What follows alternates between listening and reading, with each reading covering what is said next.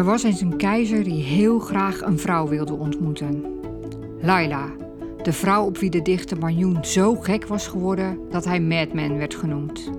Zij moest wel beeldschoon zijn en heel bijzonder. Op het paleis verscheen een heel gewone vrouw. Een desillusie voor de keizer. Ben jij de vrouw op wie Marjoen zo gek is geworden? Ja, zei de vrouw. Ik ben Laila. Maar jij bent niet Manjoen. Je moet me door zijn ogen zien. Anders kun je nooit het mysterie begrijpen dat liefde heet.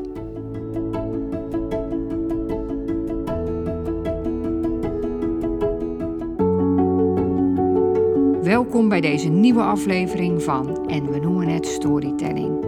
De podcast over storytelling en strategie in de breedste zin van het woord. Elke aflevering begint met een verhaal. En het verhaal van Laila en de keizer komt uit het boek The 40 Rules of Love. Een prachtig boek van Elif Shafak.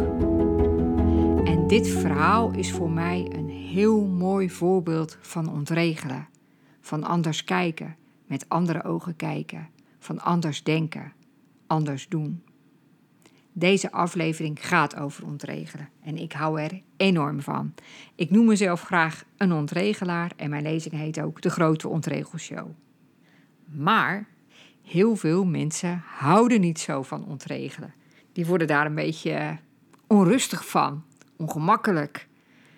Die willen veel liever gerustgesteld worden.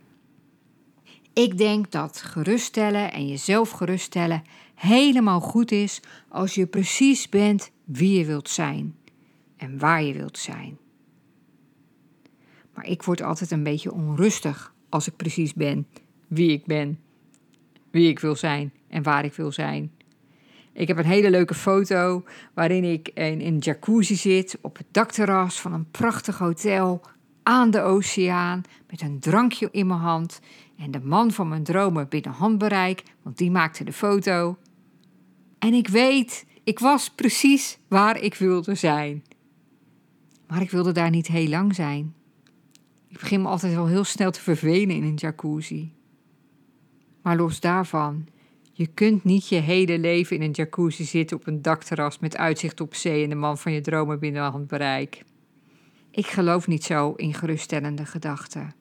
Ik geloof veel meer in de ondraaglijke lichtheid van het ontregelen. In anders kijken, anders denken, anders doen. Omdat je daar verder mee komt. Ik zeg altijd: zonder ontregelaars woonden we nu nog in grotten. En dan stel ik me zo voor dat er op een dag de ene grotbewoner tegen de andere grotbewoner zei: Zullen we iets verzinnen dat er dan een knopje is en dat dan het licht aangaat? En dat dan zo'n gemiddelde andere grotbewoner zei: Nou, weet je, laten we dat maar niet proberen, want misschien gaat het wel fout en het kan ook heel gevaarlijk zijn. En zo is het ook wel goed, want weet je, er is nu ook licht. Ontregelaars veranderen de wereld. Maar door ontregelen kun je ook je eigen wereld veranderen. Je kunt al heel snel een huis, tuin en keukenontregelaar worden. Bijvoorbeeld door niet meer sorry te zeggen, maar dankjewel. Nou, we zeggen echt heel vaak sorry op een dag. Moet je maar eens opletten. Ik zeg het althans heel vaak. En het is heel grappig wat er gebeurt als je dat niet doet, maar dankjewel zegt. Dus niet meer sorry dat ik te laat ben, maar dankjewel dat je op me hebt gewacht. Of niet sorry dat ik net zo tegen je uitviel, maar dankjewel dat je altijd zo geduldig met me bent. Of dankjewel dat je altijd maar met een half voor naar mijn klaagverhalen luistert. Of dat je niet meer denkt sukkel of eikel, maar leukert. Je, je krijgt van iemand een appje waarvan je echt denkt van, hm, wat een sukkel zeg. En dat je denkt, ah, leukert. Of je partner is vergeten de afwasmachine uit te ruimen. Dat je dan niet denkt, huh, eikel. Nou ja, dat denk je natuurlijk nooit, hè. Sukkel, maar leukert. Of je rijdt in de auto en er blijft iemand te lang op de linker rijbaan. Dat je dan niet denkt, sukkel, maar leukert. Het verandert je dag. Huistuin en keuken ontregelen verandert al je dag. Het kan ook bij ja, ik wilde zeggen grotere dingen, maar ik weet niet of het grotere dingen zijn. Maar bijvoorbeeld, als ik dit opneem, zitten we nog midden in de coronatijd. En ik weet gewoon, veel ouders hebben het zwaar. Ouders met jonge kinderen. Want die zijn ineens de hele dag thuis. Het hele ritme is ontregeld. En ze moeten ineens ook huiswerk maken met hun kinderen. En nou, je kan dan zeggen na zo'n ochtend: ah, wat was het weer zwaar. En uh, nou, ik moest weer juf zijn, ik moest weer van alles zijn. Je kan ook zeggen: Nou, wat hebben we gelachen? Of ik heb zelfs ook nog wat geleerd. Weet je, zo door anders te denken kun je echt je dag anders maken. En je eigen gedachten anders maken. En jezelf vrolijker maken. Want dat je een paar keer hebt gelachen, dat is ook gewoon waar. Of dat je zelf ook iets hebt geleerd. Je kunt ook ontregelend ruzie gaan maken. Weet je, we zitten vaak allemaal in ons eigen patroon hè, als we ruzie maken. De ene gaat bij een ruzie ook hard schreeuwen. De ander gaat mokken. De volgende gaat zwijgen. De ander gaat zich meteen verdedigen. Oprah Winfrey, die heeft best wel veel conflicten meegemaakt in al haar tv-shows. Conflicten en ruzies en gedoes. Ze heeft trouwens 4561 tv-shows gemaakt. Ik moet er niet aan denken. Ik zou best een keer een tv-show willen maken, maar 4561, dat vind ik er best wel heel erg veel. Maar dat betekent ook natuurlijk dat ze wel recht van spreken heeft als zij zegt van nou, ik heb wel een paar ontdekkingen gedaan door al die ruzies en zo te zien. En ze vertelde dus in een interview uh, voor studenten van een Amerikaanse universiteit, dat filmpje is ook op YouTube te vinden, wat ze had geleerd van al die ruzies en al die shows. Ze had geleerd dat als mensen boos op je zijn, dat ze je eigenlijk vragen stellen. En die vragen zijn: hoor je wat ik zeg? Zie je mij? En betekent dat wat ik zeg iets voor jou? Ik dacht echt, wat is dat een mooie manier om er naar te kijken. Heel ontregelend natuurlijk, want normaal gaan we heel anders met ruzie om. Maar ik was hier dus over aan het nadenken en ik dacht, ja, hoe pas je dat nou in de praktijk toe, hè? Stel je voor, ga maar weer even het voorbeeld nemen van een partner die, die boos op je is. Of jij bent boos op jouw partner. Bijvoorbeeld, ik noem maar een willekeurig voorbeeld over de takenverdeling in huis. Je partner is boos omdat jij te weinig doet. Ja, wat, wat ga je dan doen als je die vragen van opera in je hoofd hebt en je besluit dus niet om terug te gaan schreeuwen of te gaan klagen of te gaan mokken of te gaan zwijgen? Ja, hoe ga je dat dan doen zonder al te zemelig over te komen? Want dan ga je, je gaat dan niet zeggen van, oh, uh, jij vraagt nu eigenlijk, betekent dat wat ik zeg iets voor je? Ja, dat vond ik dan nog wel een beetje ingewikkeld, maar het komt er volgens mij op neer dat je beseft dat iemand niet over dat ding boos wordt, maar dat er iets anders onder zit. Dat hij eigenlijk om iets anders boos is of teleurgesteld of zich tekort gedaan voelt of misschien krijgt hij te weinig waardering of misschien vindt hij dat jullie te weinig tijd samen hebben of ja, misschien voelt hij zich niet gezien. En ik denk dat het heel anders wordt als je zo kijkt naar een ruzie. Ja, zo bedoelt opera, denk ik. Dat je kijkt naar wat erachter zit. Welke behoefte heeft iemand? Wat voelt hij als een tekort? Wat zou hij graag willen? Nou, ik vond het wel heel mooi om uh, tegen dat soort conflicten aan te kijken. Een hele mooie ontregelende manier om tegen conflicten aan te kijken. En ik denk ook dat dan ook geldt dat het anders wordt. Dat als je anders reageert of er anders mee omgaat, dat je ook dan uit dat eeuwige ruziepatroon komt. Wat er volgens mij heel veel mensen hebben en ik ook. Dat je dan altijd weer zo. Dat het allemaal zo'n herhaling wordt van hoe het altijd gaat of zo. En dat schiet allemaal meestal niet zo heel erg op. Dus dankjewel, Opra, voor deze mooie vragen. En ik denk ook ja, dat ontregelen dat ook is. Dat het betekent dat iets niet altijd hetzelfde hoeft te zijn en hoeft te gaan, maar dat het ook anders kan. En dat sommige dingen niet opgelost lijken te kunnen worden, maar dat het ontregelen betekent dat je gaat kijken of het wel opgelost kan worden. En dat het dan wel vaak beter kan, of anders kan. Nou, daarom hou ik dus zo van ontregelen. Nou, ik zei al, als ik dit opneem, dan zitten we nog midden in de coronatijd. En die is op zich natuurlijk al ontregelend genoeg. Maar ik schreef dus vorige week in een app aan iemand het woord louterend. Nou, dat was ook al ontregelend, want volgens mij heb ik het woord louterend nog nooit had ik dat gebruikt. Ik ging later ook opzoeken wat het eigenlijk betekent. Het betekent zuiveren, reinigen of zedelijk verbeteren. Nou, dat vond ik wel heel mooi. Zedelijk verbeteren. Maar ik voelde dus iets louterends aan deze tijd. Aan deze tijd van dat je meer tijd hebt voor elkaar, meer bij elkaar bent, dus andere dingen doet, meer dingen samen doet. Ja, en op de een of andere manier vond ik het louterend. Ik denk ook dat er wel dingen blijvend zullen veranderen. In het groot, maar ook in het klein voor jezelf. Wat natuurlijk ook groot is. Want je hebt bijvoorbeeld meer tijd omdat er dingen zijn die je niet meer kan of mag. Maar misschien kom je er daardoor ook wel achter van, ja, het kan nu niet en het mag nu niet, maar het hoeft misschien ook niet meer. Misschien wil ik altijd wel wat meer rust in mijn leven of wat meer tijd. En dat bedoel ik met dat zo'n periode ook louterend kan werken. Of dat je nieuwe ideeën krijgt. En dan heb ik het natuurlijk niet over het grote leed, hè, wat deze tijd ook met zich meeneemt. En wat ons gelukkig nog bespaard is gebleven. Daar ben ik natuurlijk ook dankbaar voor. Maar daardoor kan ik ook op een andere manier, denk ik, tegen deze tijd aankijken. En ik hoop natuurlijk ook dat het zo blijft. Voor ons allemaal. Maar het is ontregelend en dat maakt ook dat je zelf gaat ontregelen in de goede zin van het woord. En zeker als je ondernemer bent. Ik vind altijd dat ik de beste ontregeltip voor ondernemers heb gekregen van een hoogleraar die ik interviewde. En die zei tegen mij: elk bedrijf en iedere ondernemer zou eens in de zoveel tijd met de ogen van een concurrent naar zijn eigen onderneming of naar zichzelf als ondernemer moeten kijken. Dus je doet alsof jij de buurman of de buurvrouw bent die denkt: ah, ik ga precies hetzelfde doen als jij.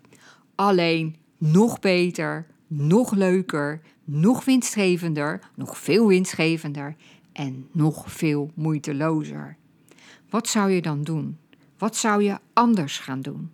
Wat zou je niet meer gaan doen? Wat zou je nog veel meer gaan doen? Wat zou je veel beter gaan doen? Iedereen zou dat eens in de zoveel tijd moeten doen, zei de hoogleraar, zeker in tijden dat het goed gaat. Maar bijna niemand doet dat. En ik denk dat deze tijd heel veel mensen, heel veel ondernemers ertoe dwingt om anders te gaan kijken. Want er zijn twee opties. Je kunt op de bank gaan zitten wachten tot het allemaal over is, of je kunt gaan kijken: wat kan ik nu wel doen? Dit kan niet meer, maar dit kan nog wel. Waar zitten mensen nu op te wachten? Waar hebben ze behoefte aan? Of kan ik gewoon nog hetzelfde blijven doen? Is het maar een gedachte in mijn hoofd dat ik dit product of deze dienst niet meer kan verkopen? Dat is natuurlijk ook vaak zo.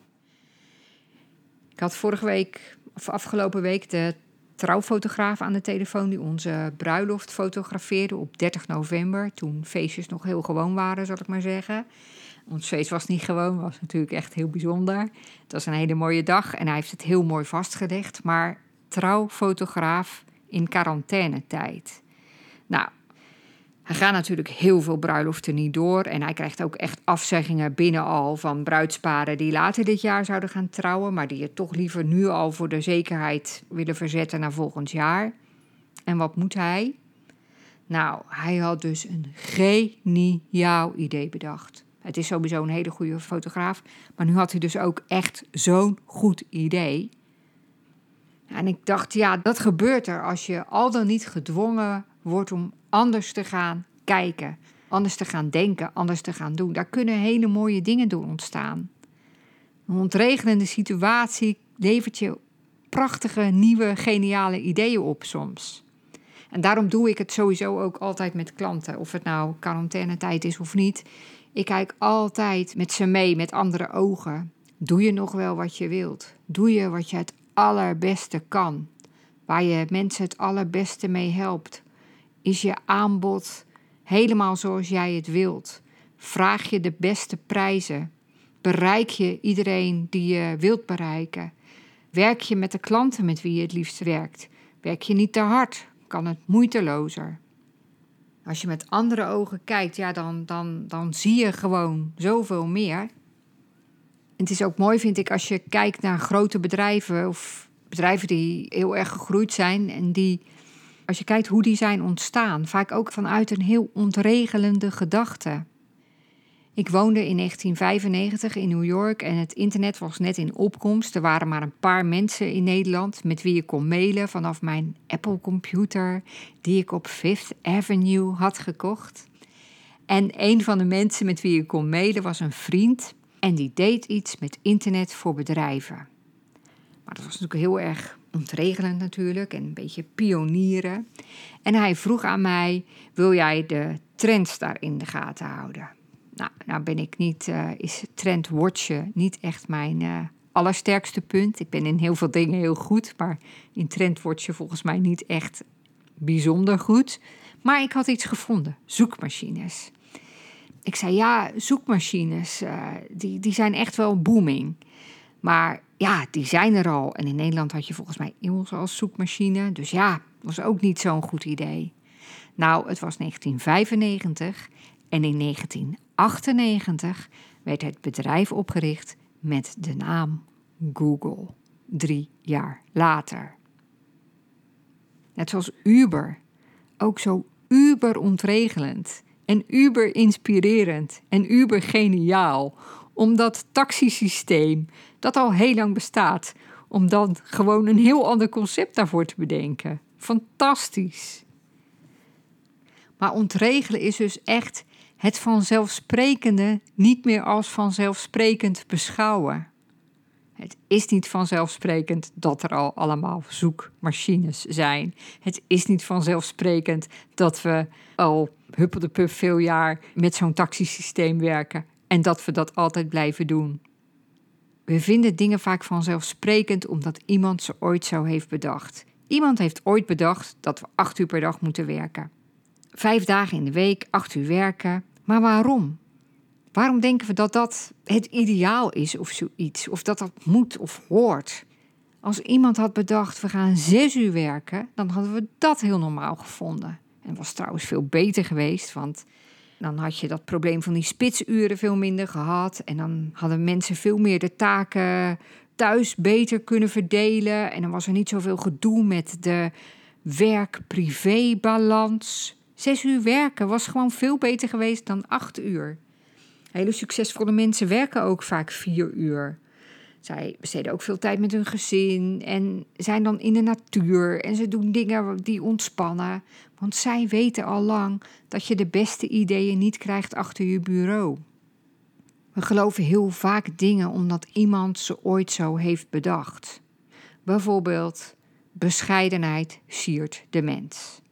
Nou, ik denk dat jij het ook al best wel vaak hebt gehoord. Vroeger thuis misschien, dat er gezegd werd: Nou, doe maar gewoon hoor, dat is gek genoeg. Of nou, ja, je bent goed zoals je bent. Weet je, dat soort dingen. Bescheidenheid siert de mens. Misschien heb je het zelf ook wel eens tegen iemand anders gezegd. Maar siert bescheidenheid de mens? Is dat waar? Ik denk dat we denken dat dat klopt omdat we, nou, de meeste mensen een hekel hebben aan opschepperigheid en aan arrogantie. En waarom hebben we daar een hekel aan? Omdat het niet waar is. Mensen doen zich dan vaak beter voor dan ze zijn. Daar houden we niet van, dat vinden we niet eerlijk, niet integer. Maar hoe eerlijk is het als je jezelf bescheiden opstelt? Dat is ook niet de waarheid hoe het echt is. Want dan laat je ook niet zien wat je allemaal kan, wat je allemaal in huis hebt, wat je kunt betekenen in deze wereld. Hoezo siert een mens dat? En ik denk dat vrouwen daar vaker last van hebben nog dan mannen. Er is een onderzoek geweest naar hoe mensen solliciteren. Er zijn geloof ik meerdere onderzoeken naar gedaan. En daaruit blijkt dat vrouwen pas solliciteren, veel vrouwen pas solliciteren op vacatures als ze voor 100% aan de eisen voldoen. Dus als er maar één of twee eisen staan waarvan ze denken, nou dat kan ik niet, of dat heb ik nog nooit gedaan, of daar ben ik niet zo goed in, dan solliciteren ze niet. En mannen, die doen dat dan wel. Die denken dan waarschijnlijk iets van, nou dat kan ik nog leren, of dat is misschien niet zo belangrijk, of in dat andere ben ik heel erg goed, of ik vind het gewoon een hele leuke functie, die wil ik, ik ga ervoor. Maar dan ben je dus bescheiden en dan denk je dus bescheidenheid siert de mens. En als je dat denkt, dan pak je niet alle kansen die er zijn. Ik heb het zelf ook gedaan. Ik ben zelf ook best wel lang bescheiden geweest en misschien ben ik het nog wel. En dat kwam ook omdat ik gewoon een hekel had aan arrogantie. Ik dacht, arrogant, arrogant, dat wil ik niet zijn. En dus was ik maar bescheiden. Maar wat levert het je op? En welk voorbeeld geef je aan anderen? Aan je kinderen bijvoorbeeld. Een tijdje geleden was ik op een ondernemersbijeenkomst over geld. Het was een bijeenkomst met alleen maar vrouwelijke ondernemers. Er was een spreker over geld. We deden een paar oefeningen over geld. En mensen vertelden over geld. Er werden vragen gesteld over geld. En het werd me zwaar te moede. De vragen die de mensen stelden waren, ja, eigenlijk zo klein. Ja, ik kan mijn prijzen niet verhogen, want dat vinden mijn klanten niet leuk. Of dan komt er niemand meer. Of um, werd een vraag gesteld: kan ik ook wel reiskosten rekenen? Of iemand die maakte hele mooie dingen, maar die was er heel lang mee bezig. En toen ging ze uitrekenen hoeveel uur ze ermee bezig was en wat haar salaris dan was per uur. En dat was dan ver onder het minimumloon. Ik was daar en ik dacht: ik zou hier morgen weer willen zijn. Op deze plek, in dit zaaltje, met deze spreker, met deze oefeningen, met dit onderwerp, met deze vragen, maar dan met alleen mannen in de zaal. Ik was echt heel benieuwd en ik ben eigenlijk nog steeds heel benieuwd wat er dan zou gebeuren. Hoe dan die avond zou verlopen, wat er dan gezegd en gevraagd zou worden. Bescheidenheid siert de mens, ik geloof er niks van. En ik geloof dat als je dat niet meer denkt, als je echt gelooft in je eigen mogelijkheden en daar ook voor durft te gaan staan en voor je dromen durft te gaan, dat er zoveel meer mogelijk is dan jij nu denkt. Voor iedereen. Ik zie dat gewoon heel vaak. Mensen beperken zichzelf echt met hun eigen gedachten of met hun eigen angst of met hun eigen weerstand of met hun eigen geruststellende gedachten. Echt, er is zoveel meer mogelijk. Ik weet bij bijna iedereen die ondernemer is, en zeker bij vrouwen, en zeker bij vrouwen die kennisondernemers zijn, die ik heel vaak tegenkom, dan denk ik, als jij zou geloven wat er voor jou allemaal mogelijk was, nou, dan gebeurt er meer dan je voor mogelijk kan houden.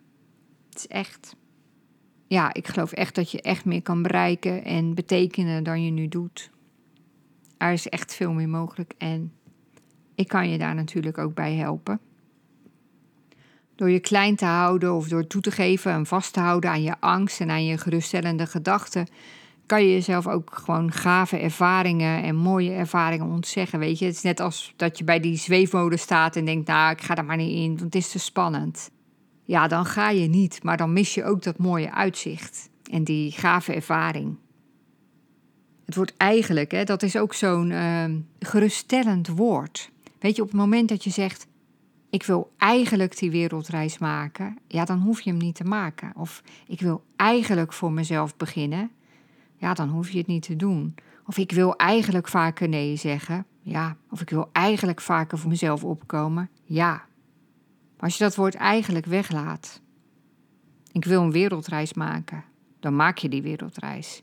Ik wil voor mezelf beginnen, dan ga je voor jezelf beginnen. Ik wil vaker nee zeggen, dan ga je vaker nee zeggen. Ik wil vaker voor mezelf opkomen, dan ga je vaker voor jezelf opkomen. Ik wil meer verdienen, dan ga je meer verdienen. Ik wil alle kansen pakken die er zijn, dan ga je alle kansen pakken die er zijn. Er verandert zoveel als je het woord eigenlijk weglaat, maar we zeggen zo vaak eigenlijk. En het is heel ontregelend om het woord eigenlijk weg te laten. Ik geloof helemaal niet dat dat geluk iets is wat zomaar naar je toe komt lopen of zo. Hè? Maar ik geloof echt wel dat je het wel dichter naar je toe kan halen. Dat je jezelf vaak tegenhoudt. Bijvoorbeeld door het woord eigenlijk. Heel vanzelfsprekend is het ook om onze brieven en mails en zo af te sluiten met bijvoorbeeld met vriendelijke groeten of met de meeste hoogachting. Iemand heeft dat ooit verzonnen en we doen dat allemaal braaf. En ik weet niet hoe het bij jou is, maar als ik het een keer vergeet, dan denk ik: oh, oh, wat onbeleefd. Nou, er was een keer een onderzoek onder heel veel werknemers, iets van nou ja, honderden werknemers. En aan hem werd gevraagd: Je mag een cadeau kiezen. Wat zou je kiezen? Nou, ze konden kiezen uit uh, opslag of een extra vrije dag. En wat kozen de meeste mensen? De meeste mensen kozen voor meer complimenten. Ik vond het echt best wel schokkend eigenlijk. Want ik dacht, iedereen weet toch dat mensen enorm gemotiveerd raken van complimenten. Dat je ze er blij mee maakt. Dat ze daardoor beter in hun vel zitten en meer zin hebben in hun werk. Hoe kan dat? En wat zegt dat over ons? Ik dacht, nou, dat zegt over ons dat wij ook heel weinig complimenten geven. Dus dacht ik, ik ga een movement beginnen. De Je bent geweldig movement. We gaan niet meer brieven en mails en zo eindigen met vriendelijke groeten of met de meeste hoogachting, maar met Jij bent geweldig. Wat gebeurt er? Wat verandert er als we vaker tegen elkaar gaan zeggen: Je bent geweldig. Als je dat vaker zegt tegen je collega, tegen je klanten, tegen je vrienden, tegen je partner, tegen jezelf, daar wordt de wereld volgens mij veel mooier van. Maar ja, een movement beginnen, dat is ook weer zo'n klus. Ik dacht, ik stop het even in mijn la met goede ideeën. Maar elke keer als ik een. Uh, nou, niet elke keer, nu overdrijf ik een beetje. Maar vaak als ik eindig met uh, te groeten, dan denk ik: ik zou eigenlijk moeten eindigen met je bent geweldig. Maar ja, zo ontregelend ben ik natuurlijk ook weer niet. Maar complimenten geven, laten we daar eens lekker ontregelend mee beginnen. Dus ja, super goed dat je luistert naar deze podcast. Je bent geweldig.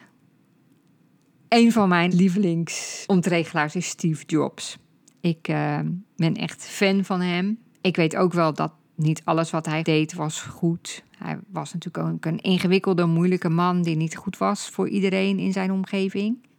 Maar ik bewonder hem wel heel erg omdat hij, ja, zoals ik al zei, echt een super ontregelaar was. Hij deed alles anders dan andere mensen en keek naar heel veel dingen anders dan de meeste mensen.